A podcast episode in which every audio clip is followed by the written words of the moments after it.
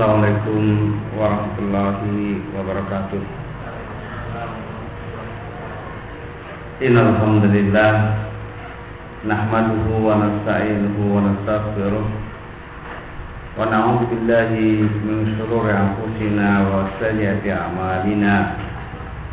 May yahdihillahu wa may yudlil fala hadiya an la ilaha illallah وحده لا شريك له وأشهد أن محمدا عبده ورسوله يا أيها الذين آمنوا اتقوا الله حق تقاته ولا تموتن إلا وأنتم مسلمون يا أيها الناس اتقوا ربكم الذي خلقكم من نفس واحدة وخلق منها زوجها وبث منهما رجالا كثيرا ونساء فاتقوا الله الذي تساءلون به والأرحام إن الله كان لكم رقيبا يا أيها الذين آمنوا اتقوا الله وقولوا قولا سديدا يصلح لكم أعمالكم ويغفر لكم ذنوبكم ومن يطع الله ورسوله فقد فاز فوزا عظيما أما بعد فإن أصدق الحديث كتاب الله وخير الهدي هدي محمد صلى الله عليه وسلم وشر الأمور محدثاتها فإن كل محدثة بدعة وكل بدعة ضلالة وكل ضلالة في النار Ikhwani wa akhwati fiddin rahimani wa rahmatullah Alhamdulillah. Segala puji bagi Allah SWT Kita senantiasa bersyukur kepadanya Atas segala karunia yang telah Allah berikan kepada kita semuanya. Dan di antara karunia dan anugerah yang sangat besar yang Allah berikan kepada kita adalah digerakkannya hati kita untuk hadir di majelis ilmu.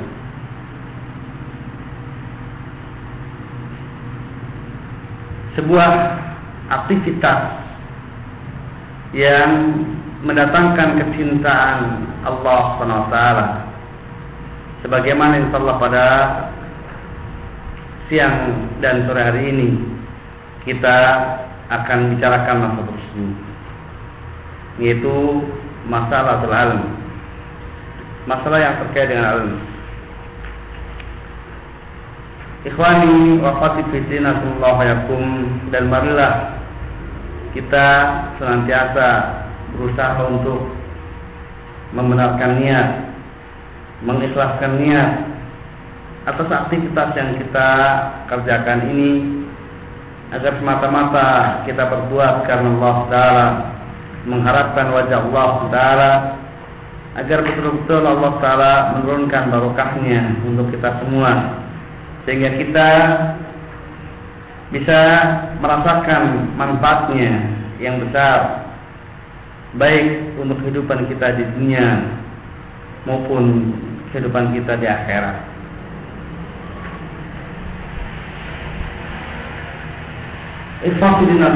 yakum Pembicaraan ilmu tentunya sangat banyak yang bisa kita bahas dan kita bicarakan.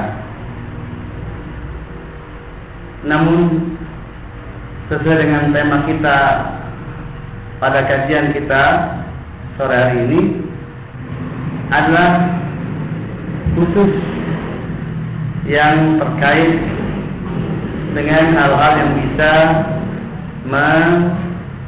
mengobarkan semangat menuntut ilmu.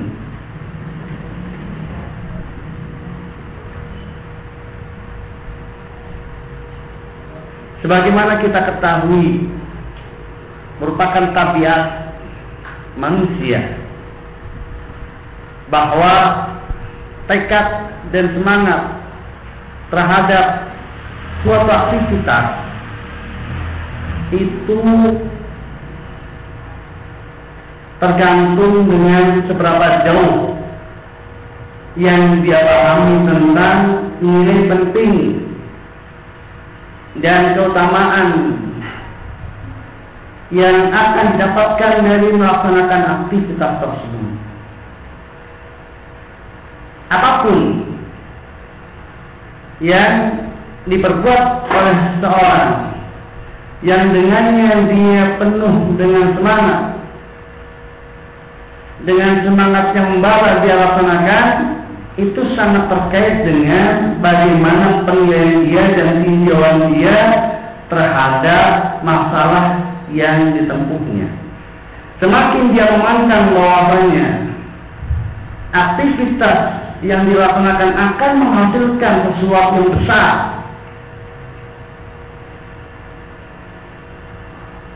Menurut pandangannya, maka dia akan semakin bersemangat untuk mengejarnya.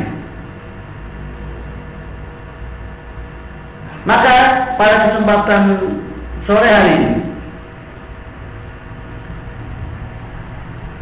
Salah khusus saya akan sampaikan beberapa ahliah dan fadail dan beberapa nilai penting dan keutamaan bagi ilmu. Baik dalam kedudukannya ilmu itu sendiri atau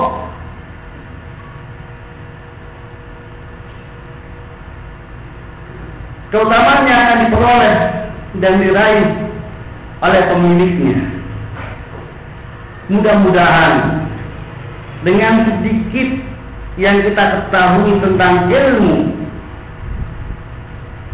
ini betul-betul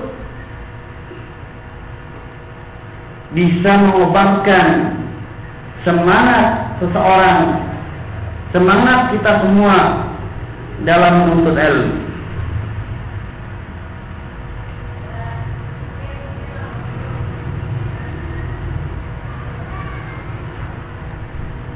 Kurang lebih 10 poin yang akan saya sampaikan terkait dengan nilai penting dan keutamaan serta kemuliaan ilmu bagi para pemiliknya. Yang artinya apabila kita bukan bagian dari orang yang memilikinya, maka kita pun bukan menjadi bagian orang-orang yang akan mendapatkan kemuliaan dan keutamaan yang besar yang akan saya sampaikan. Dan kadar kemuliaan dan apa yang diraih oleh seorang dari sekian banyak keutamaan tersebut itu pun tergantung dengan seberapa jauh kepemilikan dia terhadap ilmu tersebut. Namun sebelumnya Ikhwanuddin Rahimani Warahmah Sebelum kita memasuki pembahasan satu persatu dari nilai penting dan keutamaan alam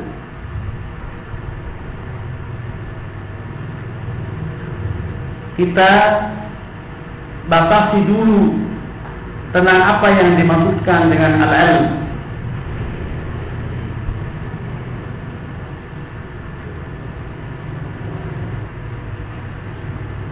Pembicaraan kita yang dimaksudkan dengan ilmu adalah ilmu syar'i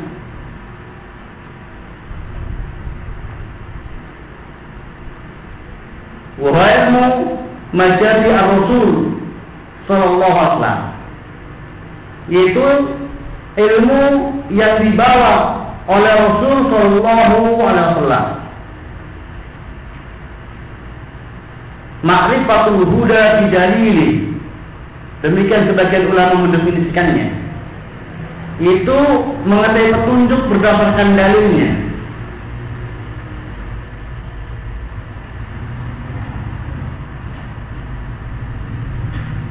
Dan itulah al-huda yang ada dalam firman Allah Taala, "Waladhi arsala rasul huda wa dinil haq yuzhiru ala din kulli wa kafa bilai syahida." Dia Allah Taala yang telah mengutus rasulnya bil huda. Al huda ayat al munafi.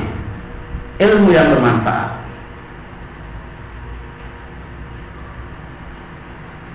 Maka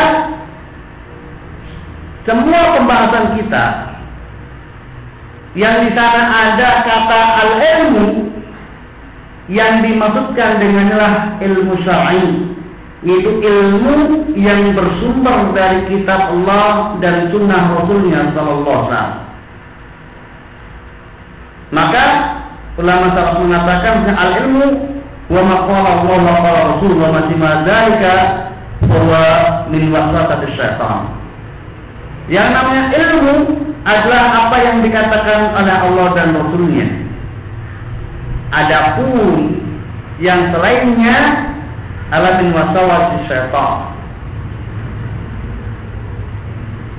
Sepandai apa pun seseorang dalam berbicara, sepandai apa pun seseorang dalam mengemukakan gagasannya, melontarkan gagasan-gagasan, secemerlang apa pun, gagasan yang bisa ditelurkan oleh seseorang apabila itu bukan bersumber dari firman Allah dan sabda Rasulnya Shallallahu Alaihi Wasallam maka itu min wasawis syaitan.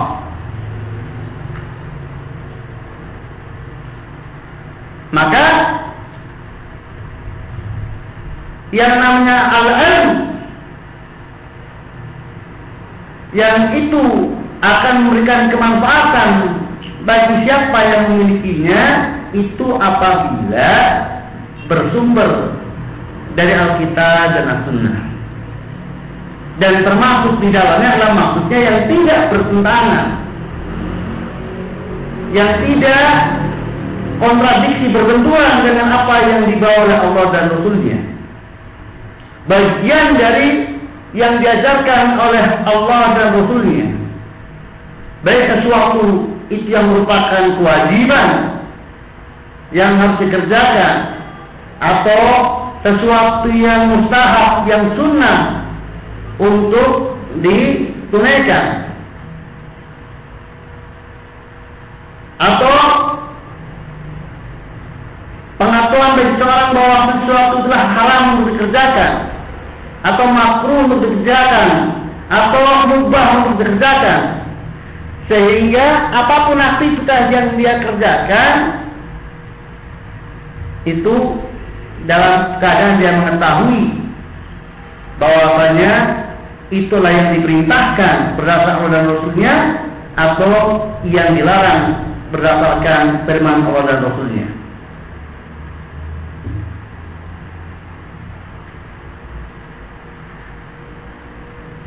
Kemudian Fafin Rahimani Warahmatullah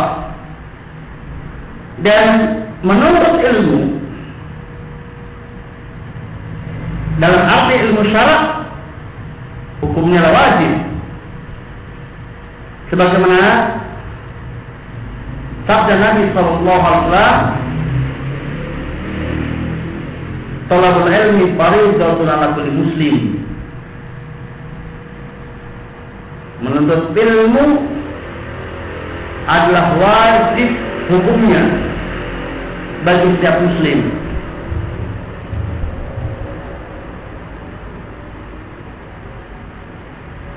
Dan juga kita bisa mengambil dari firman Allah Taala wal asr innal insana lafi khusrin illa alladziina amanu wa 'amilus shalihat wa tawassaw bil haqqi wa tawassaw bis sabr demi masa sesungguhnya seluruh manusia berada dalam kerugian kecuali yang beriman dan beramal soleh serta saling menasihati dalam kebenaran dan saling menasihati dalam kesabaran. Para ulama menjadikan ilmu hukumnya wajib berdasarkan surat ini surat Al-Asr mengambil dari pengecualian dari kerugian itu apabila dia beriman. Dan seseorang tidak akan mungkin beriman dengan benar sebagaimana yang diperintahkan oleh Allah dan Rasulnya tanpa dia bermodalkan al-ilmu sehingga untuk dia bisa melaksanakan kewajiban beriman agar dia tidak masuk bagian dari orang-orang yang merugi dia harus berilmu sehingga alam hukumnya wajib bagi setiap individu.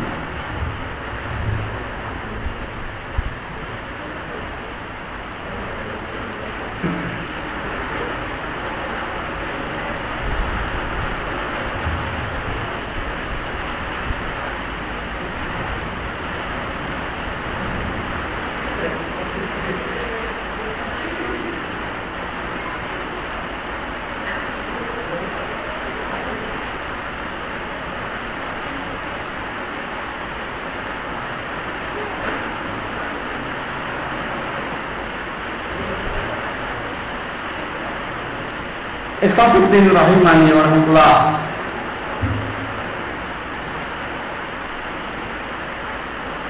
Kita masuki inti pembahasan kita ya tentang terutama ilmu dan nilai penting dari halal. Yang pertama,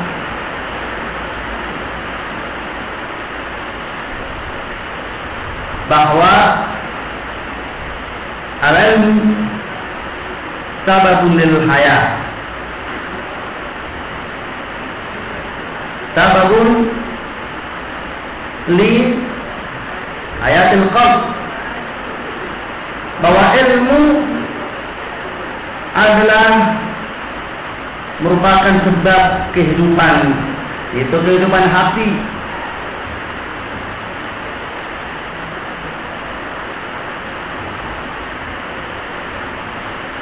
berfirman di dalam surat Al-Anfal ayat 24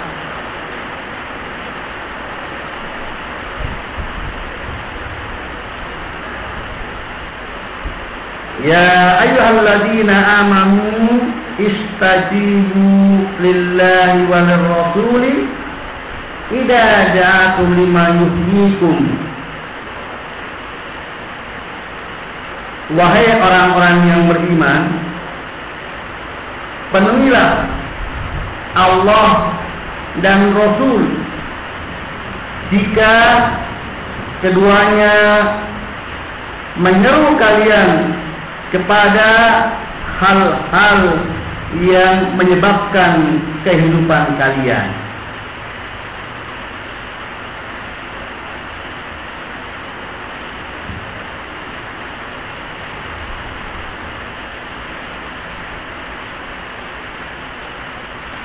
Ikhwafiddin rahimani wa rahmatullah.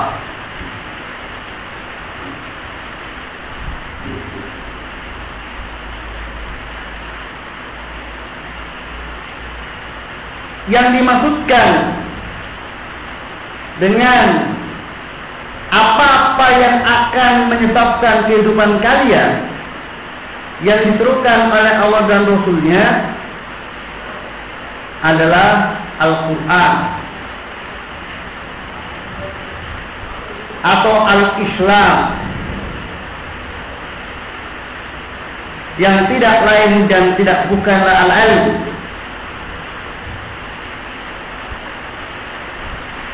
Yang diserukan oleh Allah dan Rasulnya. Bahwa ilmu yang diserukan oleh Allah dan Rasulnya yang diajarkan oleh Allah dan Rasulnya kepada kita semua itu adalah sesuatu akan yang membuat kita hidup.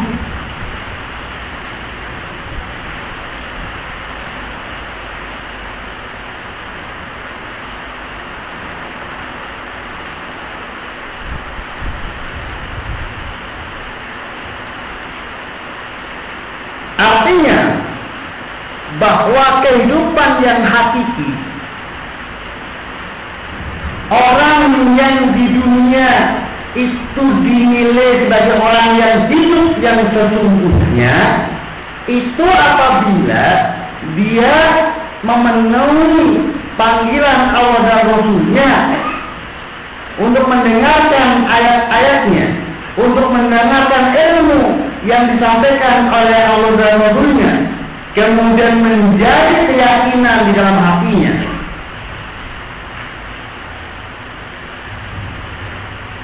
maka Imam Ibnu Qayyim rahimahullah belum menyampaikan Fama lam tahsul lahu hadil istijabah fala hayata lahu wa in kanat lahu hayatu bahimiyatun mustarakatun baina wa baina afdalil hayawanat Fal hayatul haqiqiyatu at-thayyibah hiya hayatun man istajaba lillahi wa rasul dhahir batina. Fa haula'i humul ahya wa in matu wa ghairuhum amwatun wa in kanu ahya'ul wa in kanu ahya'al abdan. Wa lihada kana akmalun nasi hayatan akmalum istijaba li da'wati rasul. Fa inna kullama da'a ilaihi fa fihi al hayatu faman fatau juz'un minhu fatau juz'un min al haya wa fi min al haya bi hasbi mastajaba lir rasul Imam Ibnu Qayyim rahimahullah menyampaikan yang maknanya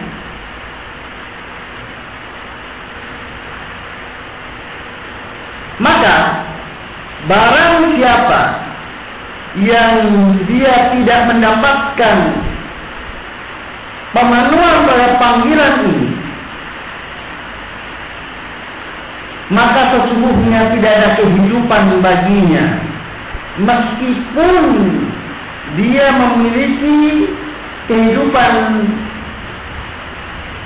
kebinatangan di mana sama saja berserikat antara dia dengan serendah-rendahnya binatang. Artinya sama-sama hidup. Akan tetapi kehidupannya hanya terbatas kehidupan kebinatangan. Yaitu hidupnya ya makan, minum, melampiaskan apa yang menjadi keinginan syahwatnya, tidak kemudian mati. Ini tidak ada bedanya antara dia dengan binatang. Maka kehidupan yang hakiki, yang baik, yang bersih adalah kehidupan orang yang memenuhi seruan Allah dan Rasul baik secara zahir maupun batin. Maka mereka itulah sesungguhnya yang betul-betul hidup walaupun mereka telah mati. Adapun yang selain mereka hakikatnya telah mati walaupun badannya masih hidup. Oleh karena itu, sepaling sempurna manusia kehidupannya ada manusia yang paling sempurna di dalam memenuhi seruan Rasul.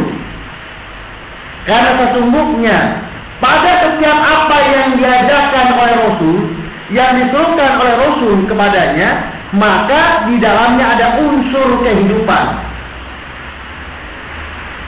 Dengan demikian maka, barang siapa yang terluput sebagian darinya, maka berarti telah terluput padanya sebagian dari kehidupannya. Dengan demikian, kadar kehidupannya adalah sekadar seberapa jauh pemenuhan dia terhadap seruan Allah dan Rasulnya. Ikhwatul rahimani Rasulullah. Kita tahu bahwasanya secara umum kehidupan manusia itu dalam tiga masa. Kehidupan dunia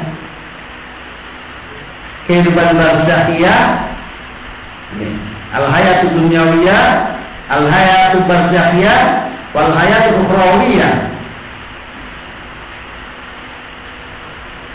kehidupan di dunia kehidupan di alam barzakh dan kehidupan di akhirat. Dalam firman Allah tadi,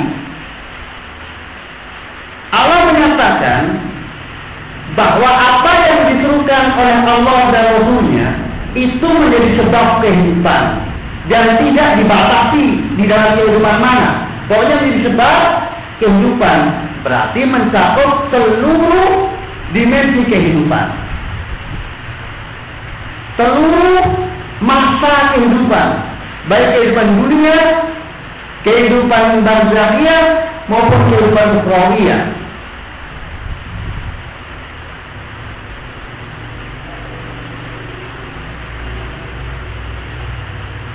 Dan kehidupan yang hakiki adalah kehidupan yang memang betul-betul dia hidup dengan penuh kenikmatan dengan penuh kebahagiaan. Yang tadi telah kita dengarkan bersama dari penjelasan Imam Ibnu rahimahullah, kadar kehidupan kita yang sesungguhnya itu tergantung seberapa jauh, seberapa besar kadar kepemilikan kita terhadap apa yang disuruhkan oleh Allah dan Rasulnya. Artinya, semakin sedikit yang kita peroleh dari seruan Allah dan Rasulnya, semakin sedikit pemenuhan kita terhadap apa yang diserukan oleh Allah dan Rasulnya, maka kehidupan kita semakin minim. Hakikat kehidupan kita adalah semakin minim. Dan kita semakin mirip dengan binatang.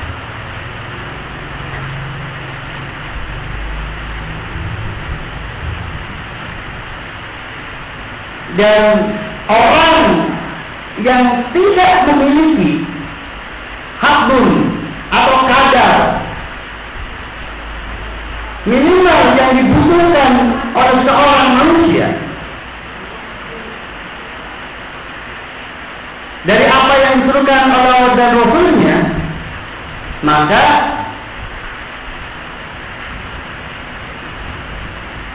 meskipun dia sama-sama hidup seperti binatang, tetapi kedudukannya lebih rendah dari binatang. Walaupun darokna li jahannam katsiran min al-ins. Lahum qulubun la yafqahuna biha. Walau azam la yasma'una biha. Wal ma'in la yusiruna biha. Ulaika kalana bahum Allah. Allah telah persiapkan neraka untuk kebanyakan manusia di mana mereka punya hati tapi tidak mau memahami dengan hatinya. Mereka punya telinga tapi tidak menggunakan telinganya. Dan mereka punya mata tetapi tidak menggunakan matanya untuk sesuatu apa yang disuruhkan oleh Allah dan Rasulnya maka mereka itu seperti binatang, artinya sama-sama cuma punya hidup saja. Artinya mereka kehidupannya seperti kehidupan binatang, di mana mereka hidup, makan, minum, melampiaskan sahabatnya, sudah, mereka itu mati.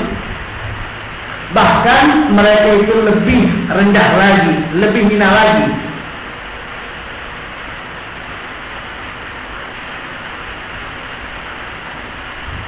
Karena kerusakan yang akan ditimbulkan oleh orang-orang yang demikian keadaannya itu jauh lebih besar dibandingkan kerusakan yang ditimbulkan oleh binatang.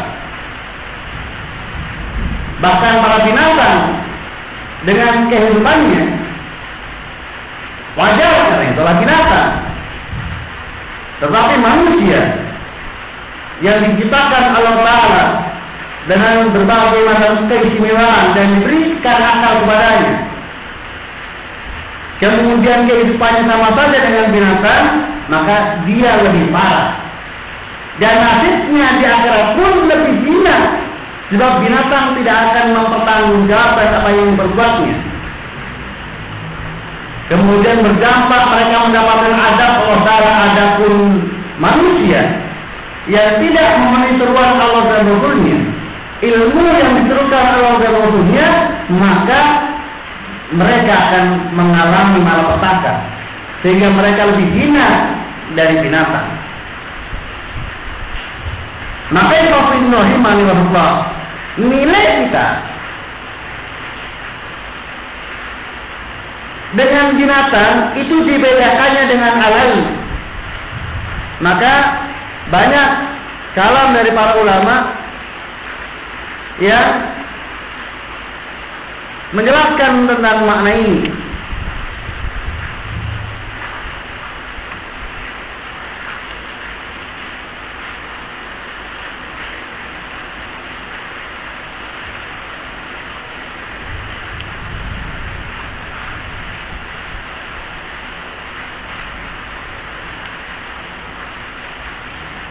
Seperti dikatakan oleh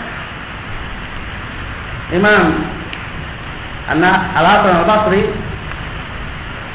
rahimahullah lawa ulama la nas kal bahai Kalaulah tidak ada ulama maka jadilah manusia itu seperti binatang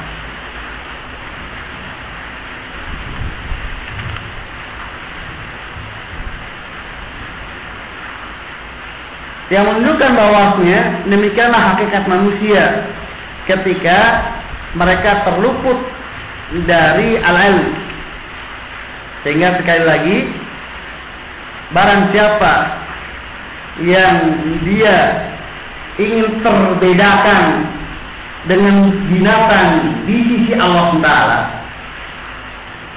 dalam pandangan Allah Taala maka bedakanlah dengan al-ilm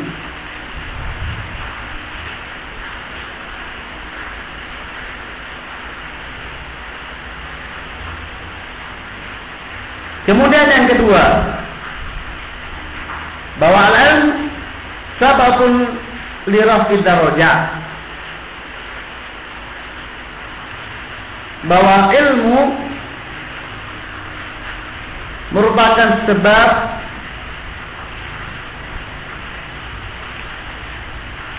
terangkatnya derajat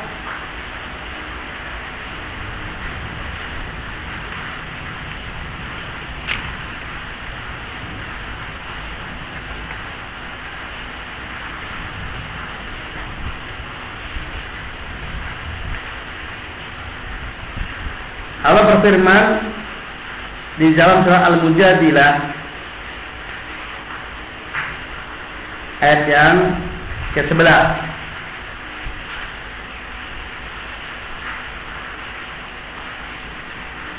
Yarfa'illahu alladhina amanu minkum walladhina utul ilma darajat Allah mengangkat orang-orang yang beriman lagi di anugerah ilmu. Darajat beberapa tingkatan.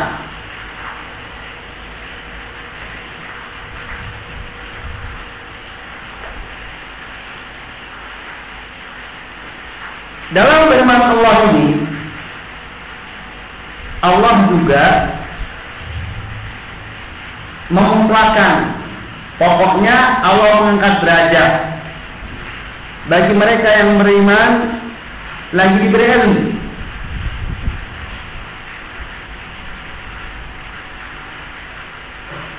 Maka peningkatan derajat di sini mencakup di dunia maupun di akhirat.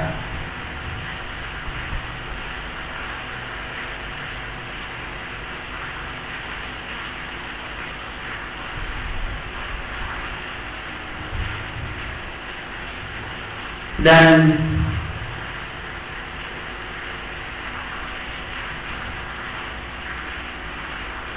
siapa pun orangnya yang dianugerahi oleh Allah ilmu yang bermanfaat maka dia akan merasakan kenyataan firman Allah tersebut.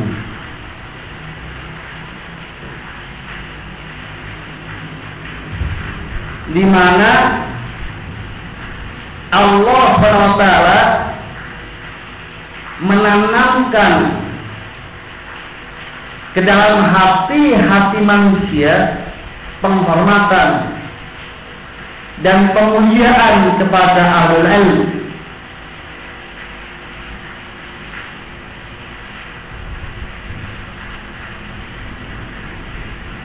Sehingga kehormatan ahlul ilm.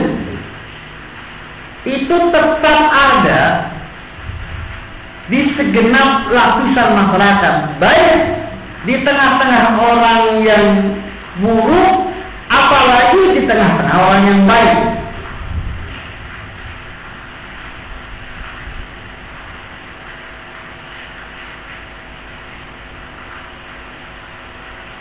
Tetap siapa pun juga orang pun akan merasa terhormat kedudukannya. Ketika dia dikatakan dia adalah orang yang alim walaupun apa? Walaupun sesungguhnya dia tidak alim. Dan sebaliknya orang akan merasa terhina kalau kemudian disebut dia orang yang bodoh walaupun sesungguhnya dia memang memang bodoh. Yang menunjukkan bahwa ini sepakat umat manusia bahwa kedudukan orang alim itu lebih terhormat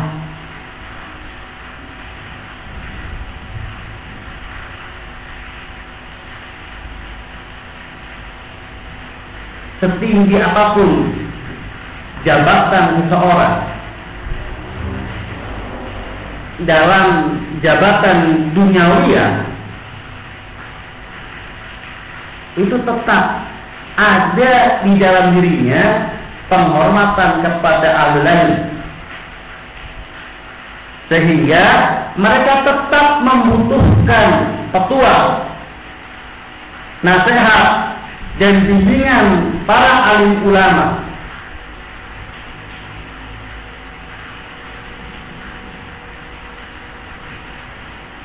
Ini menunjukkan bahwa Allah Subhanahu secara nyata bisa kita dengar, bisa kita saksikan dan bisa kita rasakan siapa pun yang memilikinya. Bahwa alam itu menyebabkan terangkatnya derajat seorang di dunia sebelum di akhirat.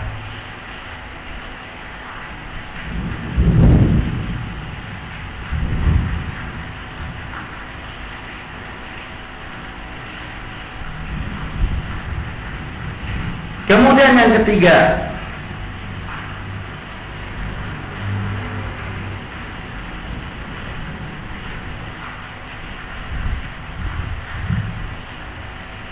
Anal ilma tasilun fi tariqin ila jannah.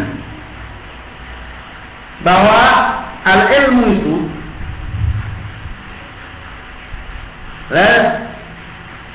jalan mudah untuk meraih surga.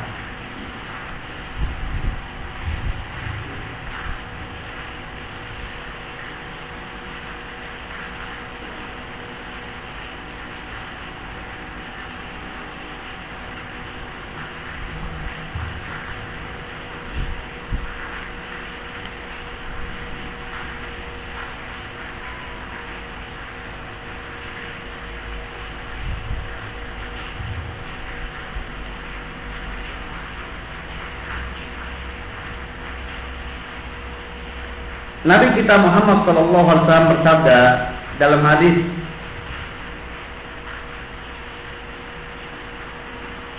Muslim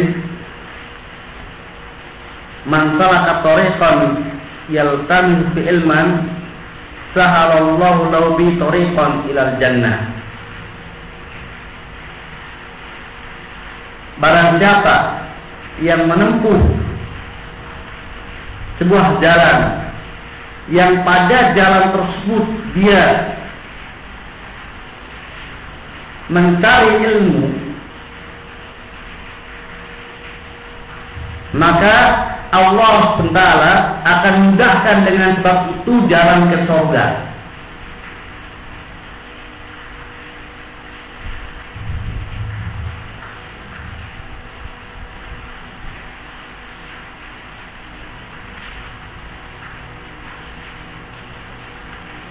Ikhafin rahimani wa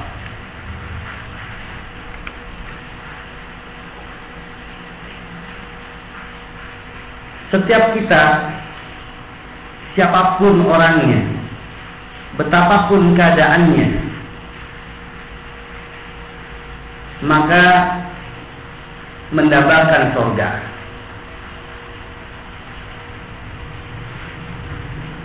Jadi apa pun kadar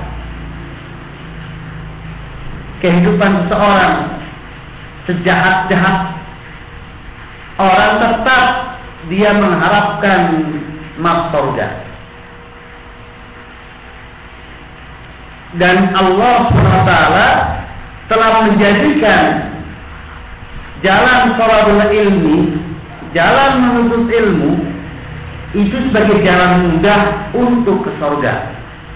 Man salaka tariqan yaltamisu ilman sahalallahu bihi tariqan ilal jannah.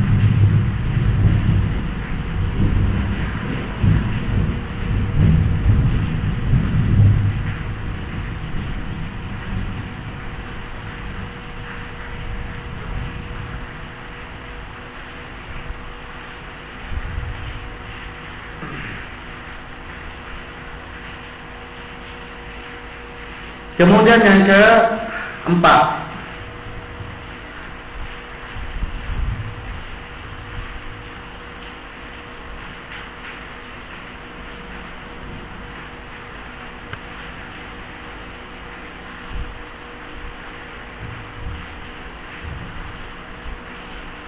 Bahwa anak ahlul ilm hum ahlul syahadah bahwa ahlul ilmi mereka lah ahli syahadah.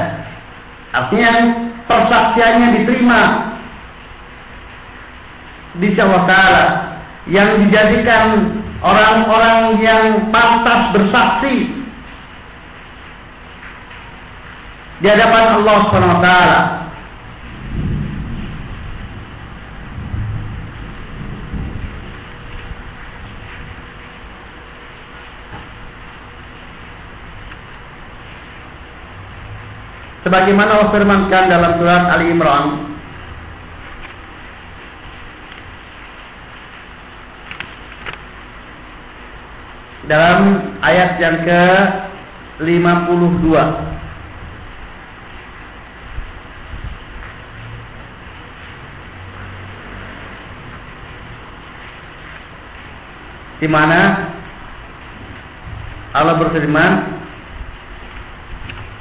Syahidallahu Bentar.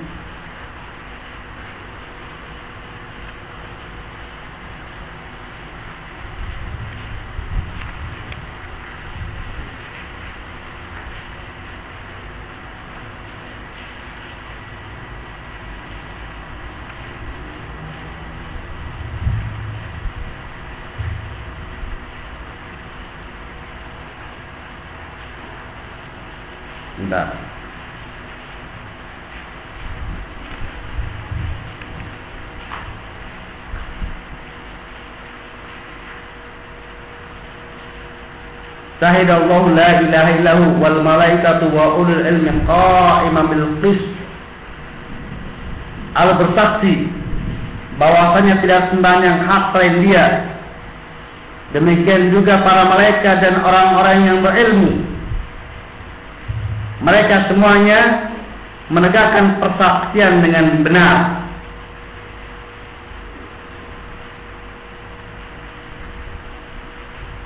dalam ayat ini Allah Subhanahu wa taala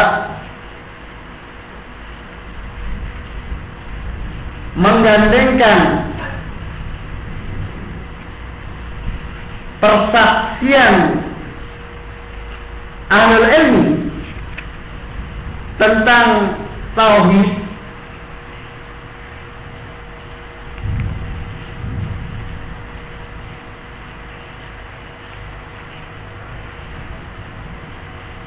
dengan persaksian Allah SWT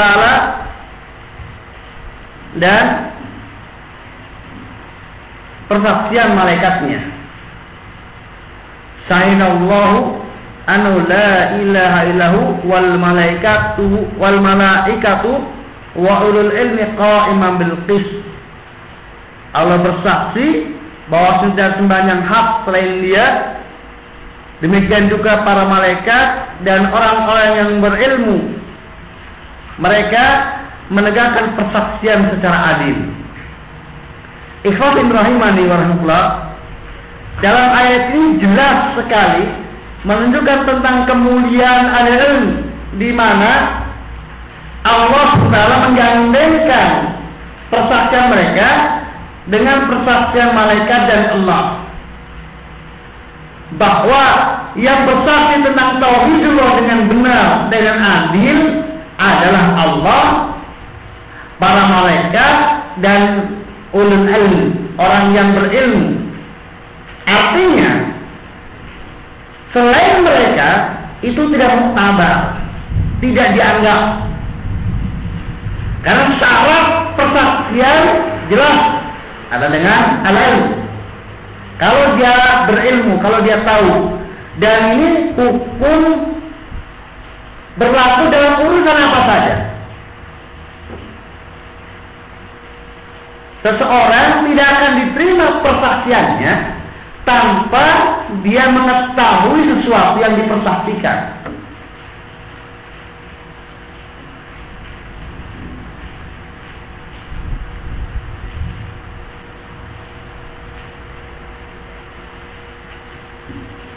Taruhlah dalam kehidupan sehari-hari, ketika ada kecelakaan, kemudian Pak polisi nyari tentang Pak siapa yang menjadi saksi. Kemudian kalau seorang bilang, eh Pak, saksinya Pak. E, e, Bapak, saksinya. Iya Pak, saksinya. E, Bapak e, melihat nggak tadi kejadian? Enggak Pak, saya apa e, e, orang katanya katanya ingin diterima? Tidak. Maka ayat ini adalah ayat yang berbicara tentang a'damu syahada min a'dami syahid ala masyudi di sepaling besar persaksian dari sepaling besar yang bersaksi atas persaksian yang terbesar itu tentang tauhidullah. Tentang keesaan Allah Taala. Persaksian tentang keesaan Allah Taala. Dari pribadi-pribadi yang paling agungnya. Yaitu Allah kemudian para malaikatnya dan orang-orang yang berilmu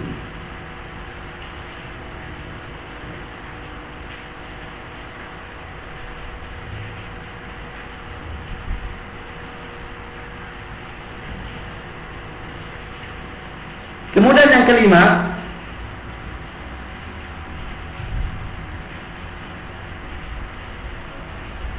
anna ahlal ilmi hum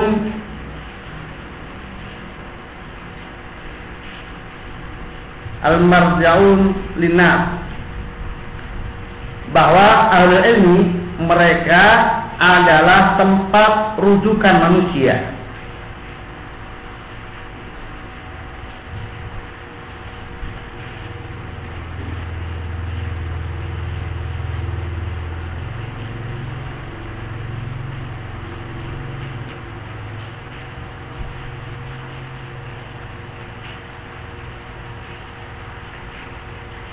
Allah berfirman dalam surah An-Nahl ayat 43 Fas'alu ahla dzikri in kuntum la ta'lamun.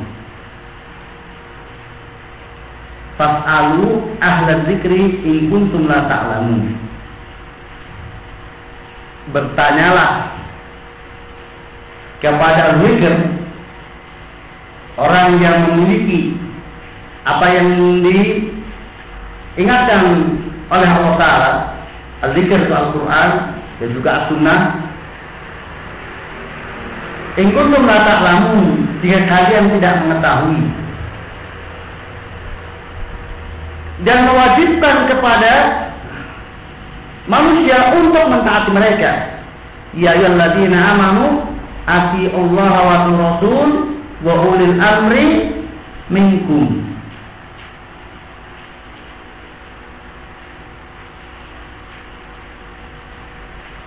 Wahai orang-orang beriman, taatlah Allah dan Rasulnya dan ulil amri di antara kalian. Di antara tafsiran dari ulil amri adalah ulul ilm, orang-orang yang berilmu. Ikhafin rahimani warahmatullah. Dan kenyataan ini pun kita bisa dapatkan bahwa ahlul ilmi adalah tempat rujukan manusia.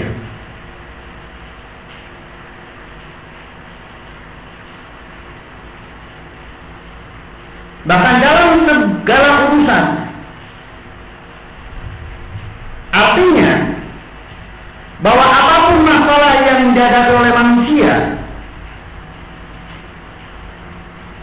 maka apabila mereka datang kepada ahli ilmu maka dia akan mendapatkan penyelesaian masalahnya.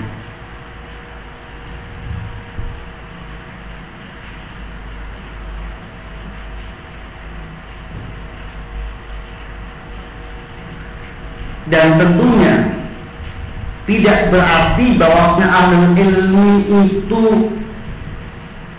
betul-betul menyelesaikan masalah secara langsung, tetapi arahan dan bimbingan yang mereka berikan itu bisa sebagai modal untuk kita menyelesaikan masalah yang kita hadapi.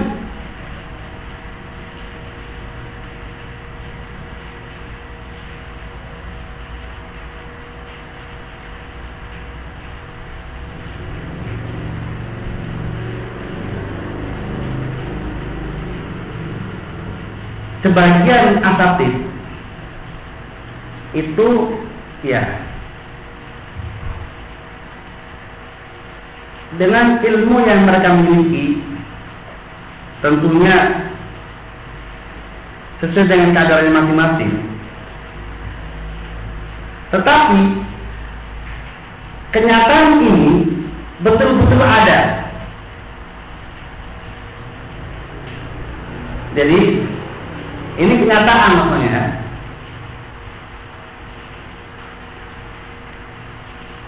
Bahwasanya karena dianggap dia berilmu, maka manusia menjadikannya sebagai apa? Tempat bertanya, tempat menyelesaikan masalah.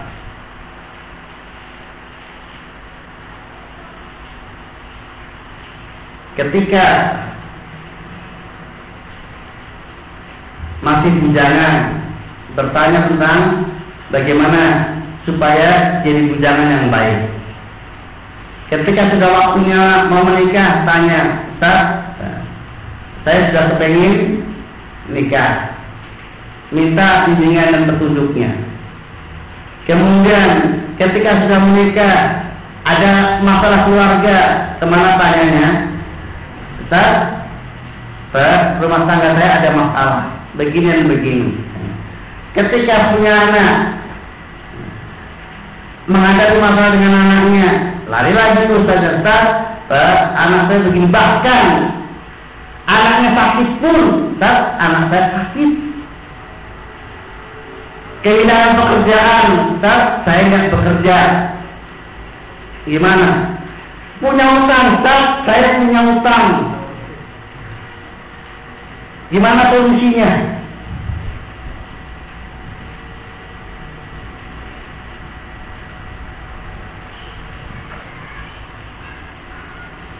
Dan itu menunjukkan bahwasannya manusia yang dianggap super itu kalau apa? Kalau dia punya ilmu. Jika satu permasalahan kira-kira mengapa? Kok kemudian anak yang sakit, kok kemudian juga bertanya kepada Musa?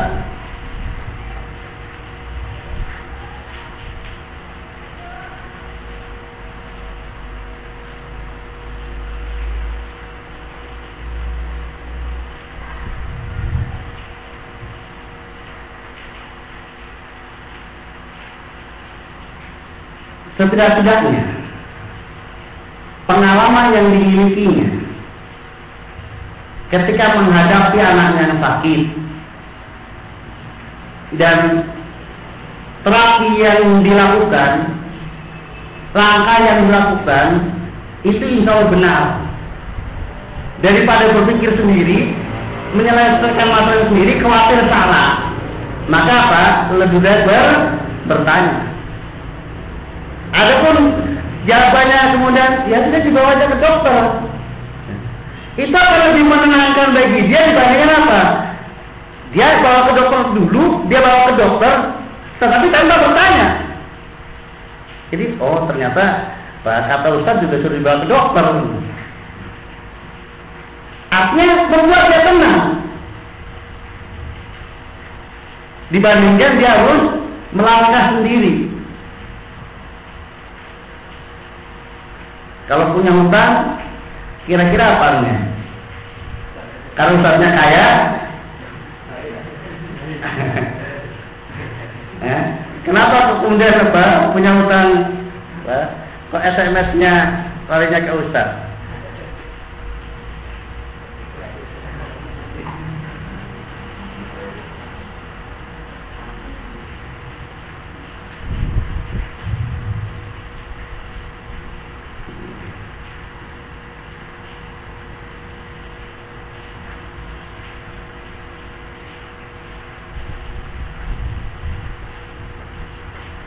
Bismillah, min fadlika ya Ustaz. Bagaimana solusinya?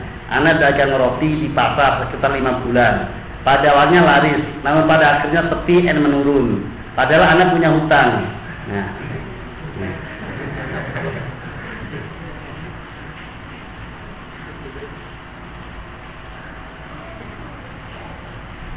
Jadi urusan dagangnya nurun, ke mana bertanya Emang, emang Ustaz ahli manajemen, ahli perdagangan, ini realita. Ini baru sebagian.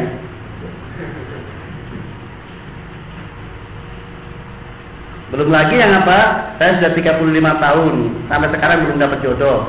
Gimana caranya untuk cepat dapat jodoh? Ustaz biro jodoh gitu.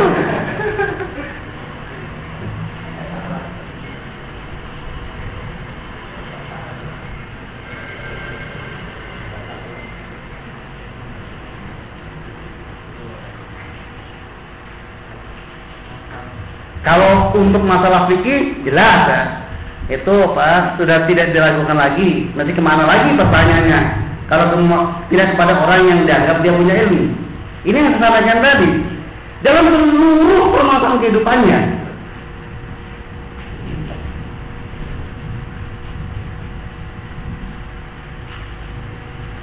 Dari sebelum menikah sampai menikah sampai punya anak jadi punya anak mulai tentang namanya. Nah, kira-kira apa nama anak saya yang terbaik? Ikhwan rahimani dan itu karena memang kewajiban bagi mereka untuk bertanya kepada siapa? Agar menjadi berdosa memang kalau dia bertanya. Karena perintah fa'alu ahla zikri in kuntum la ta'lamu. Ini tidak salah. Bahkan itu bentuk dari melaksanakan kewajiban. Untuk bertanya kepada zikr. Bertanya kepada orang yang dianggap olehnya memiliki al-zikr. Sehingga tanggung jawab al-ilm memang berat.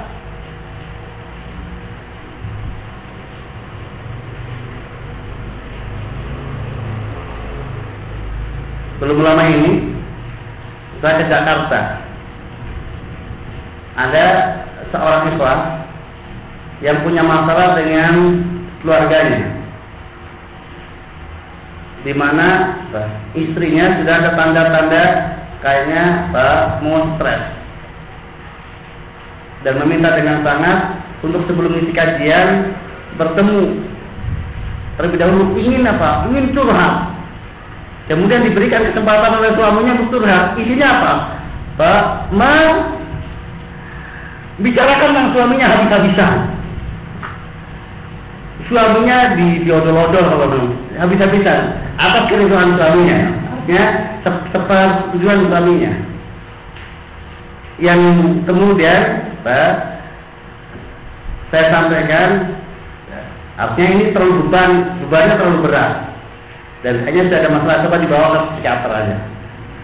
Karena dari kita kita hari ini kayaknya udah nggak nggak sepenuhnya apa? Normal. Jadi kayak dokter aja coba dibawa ke psikiater. Untuk kemudian eh, diberikan apa pengobatan. Dan itu di bab sekater belum lama ini beberapa hari yang lalu nabari alhamdulillah sekarang pak sudah bisa ketawa sudah bisa ini sudah bisa nah.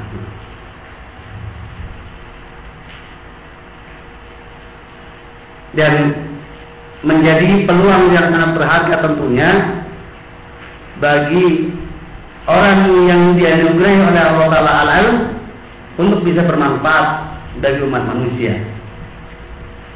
Dan tentu bisa bayangkan semua permasalahan hidup manusia itu memang Allah perintahkan untuk kalau mereka tidak tahu bagaimana harus berbuat pas alu ahla zikri kuntum la ta'lamun setidak-tidaknya al ilmu nanti akan menunjukkan kepada sekarang tidak harus kemudian apa?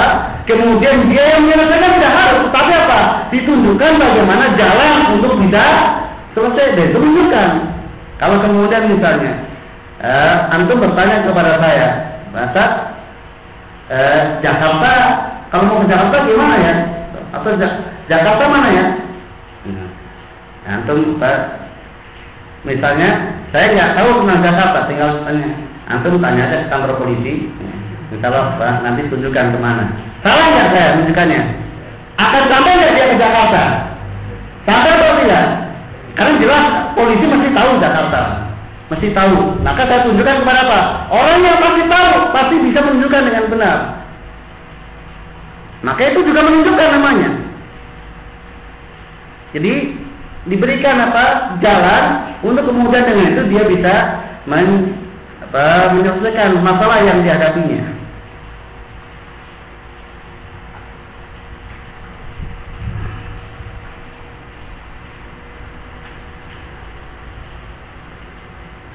Coba Pak, kita bayangkan semuanya bahwasannya tadi manusia diwajibkan untuk bertanya kepada ahlul ilm dan juga diwajibkan bagi mereka untuk taat dan patuh kepada Allah.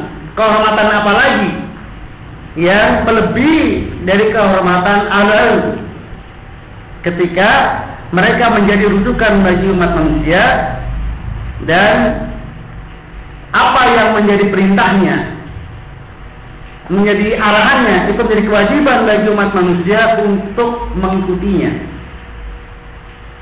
Tentunya adalah ini diperuntukkan bagi amal ilmi yang mereka betul-betul melaksanakan apa yang menjadi kewajiban ilmunya.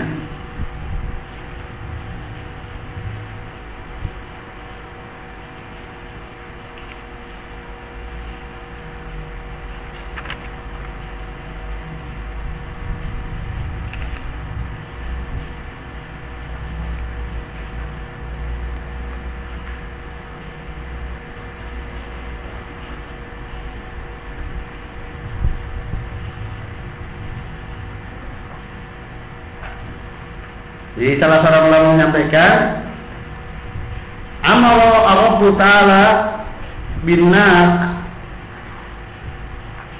beruju ila ahli ilmi wa su'alihim amma askal alaihim min umuri dinihim wa ja'ala dzalika fardan wajiban ya'tumu tarifuhu Roh Ta'ala Allah memerintahkan kepada manusia untuk merujuk kepada ahli ilmu dan bertanya kepada mereka terkait dengan masalah mereka. Apa yang mereka mendapatkan kesulitan dalam urusan-urusan agama mereka. Dan Allah menjadikan hal itu wajib dan berdosa orang yang meninggalkannya. Ini bukan kemuliaan dan keutamaan. Di mana al ilmi itu dijadikan sosok manusia yang apabila orang itu tidak bertanya kepadanya dan tidak patuh kepadanya justru apa? Manusia ber, berdosa. Jadi mereka adalah penerang bagi umat manusia rambu-rambu bagi umat manusia. Yang barang siapa tidak memindahkan rambu-rambu tersebut maka jelas dia akan akan celaka. Maka sekali lagi kehormatan mana lagi? Kemuliaan mana lagi yang lebih dari kemuliaan ini? Ini di dunia kemuliaan dan kehormatan yang diberikan oleh Allah Taala kepada mereka oleh ilmu maka walaupun mereka tidak punya harta walaupun mereka tidak punya senjata tetapi dengan apa yang mereka miliki dari ilmu bisa untuk mengumpulkan umat manusia dan bisa untuk mengerahkan dan memerintahkan kepada umat manusia tanpa apa? Tanpa harta dan tanpa senjata.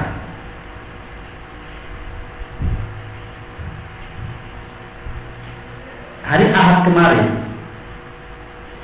tanggal berapa? 17 ya? Ya. 105 ribuan kurang lebih berkumpul di Istiqlal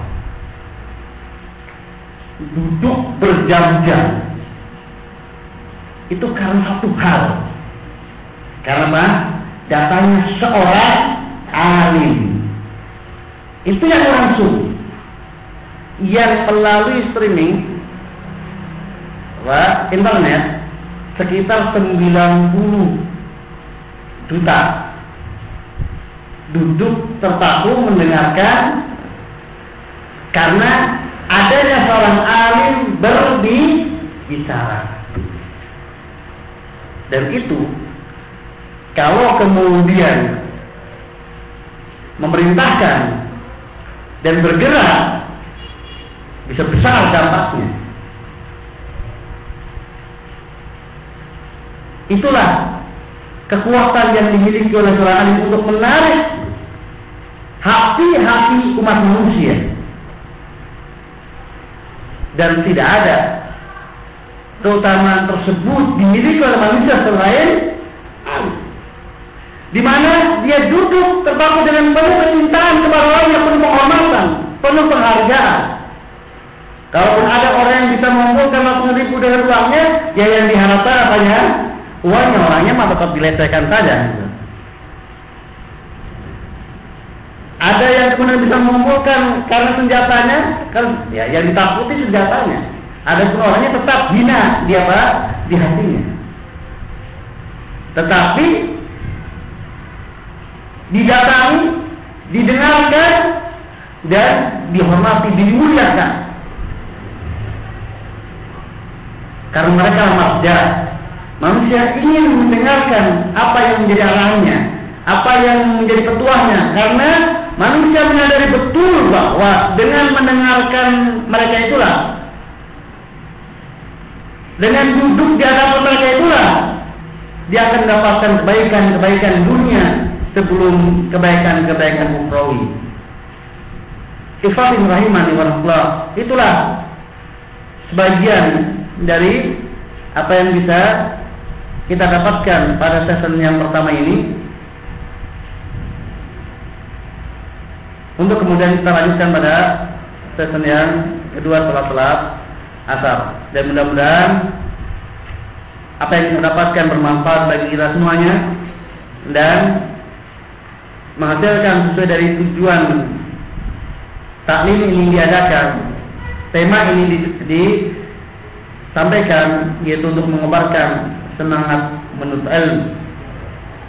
Ketika seseorang mendengar demikian besarnya keutamaan yang Allah akan berikan kepada ilmu, ahlul ilmi, maka diharapkan tidak ada satupun di antara kita kecuali bertekad dan berusaha semaksimal mungkin untuk menjadi ahlul ilmi sesuai dengan batas kemampuan yang kita miliki. Demikian kita akhir subhanahu wa bihamdika asyhadu an la ilaha illa anta astaghfiruka wa atubu ilaik.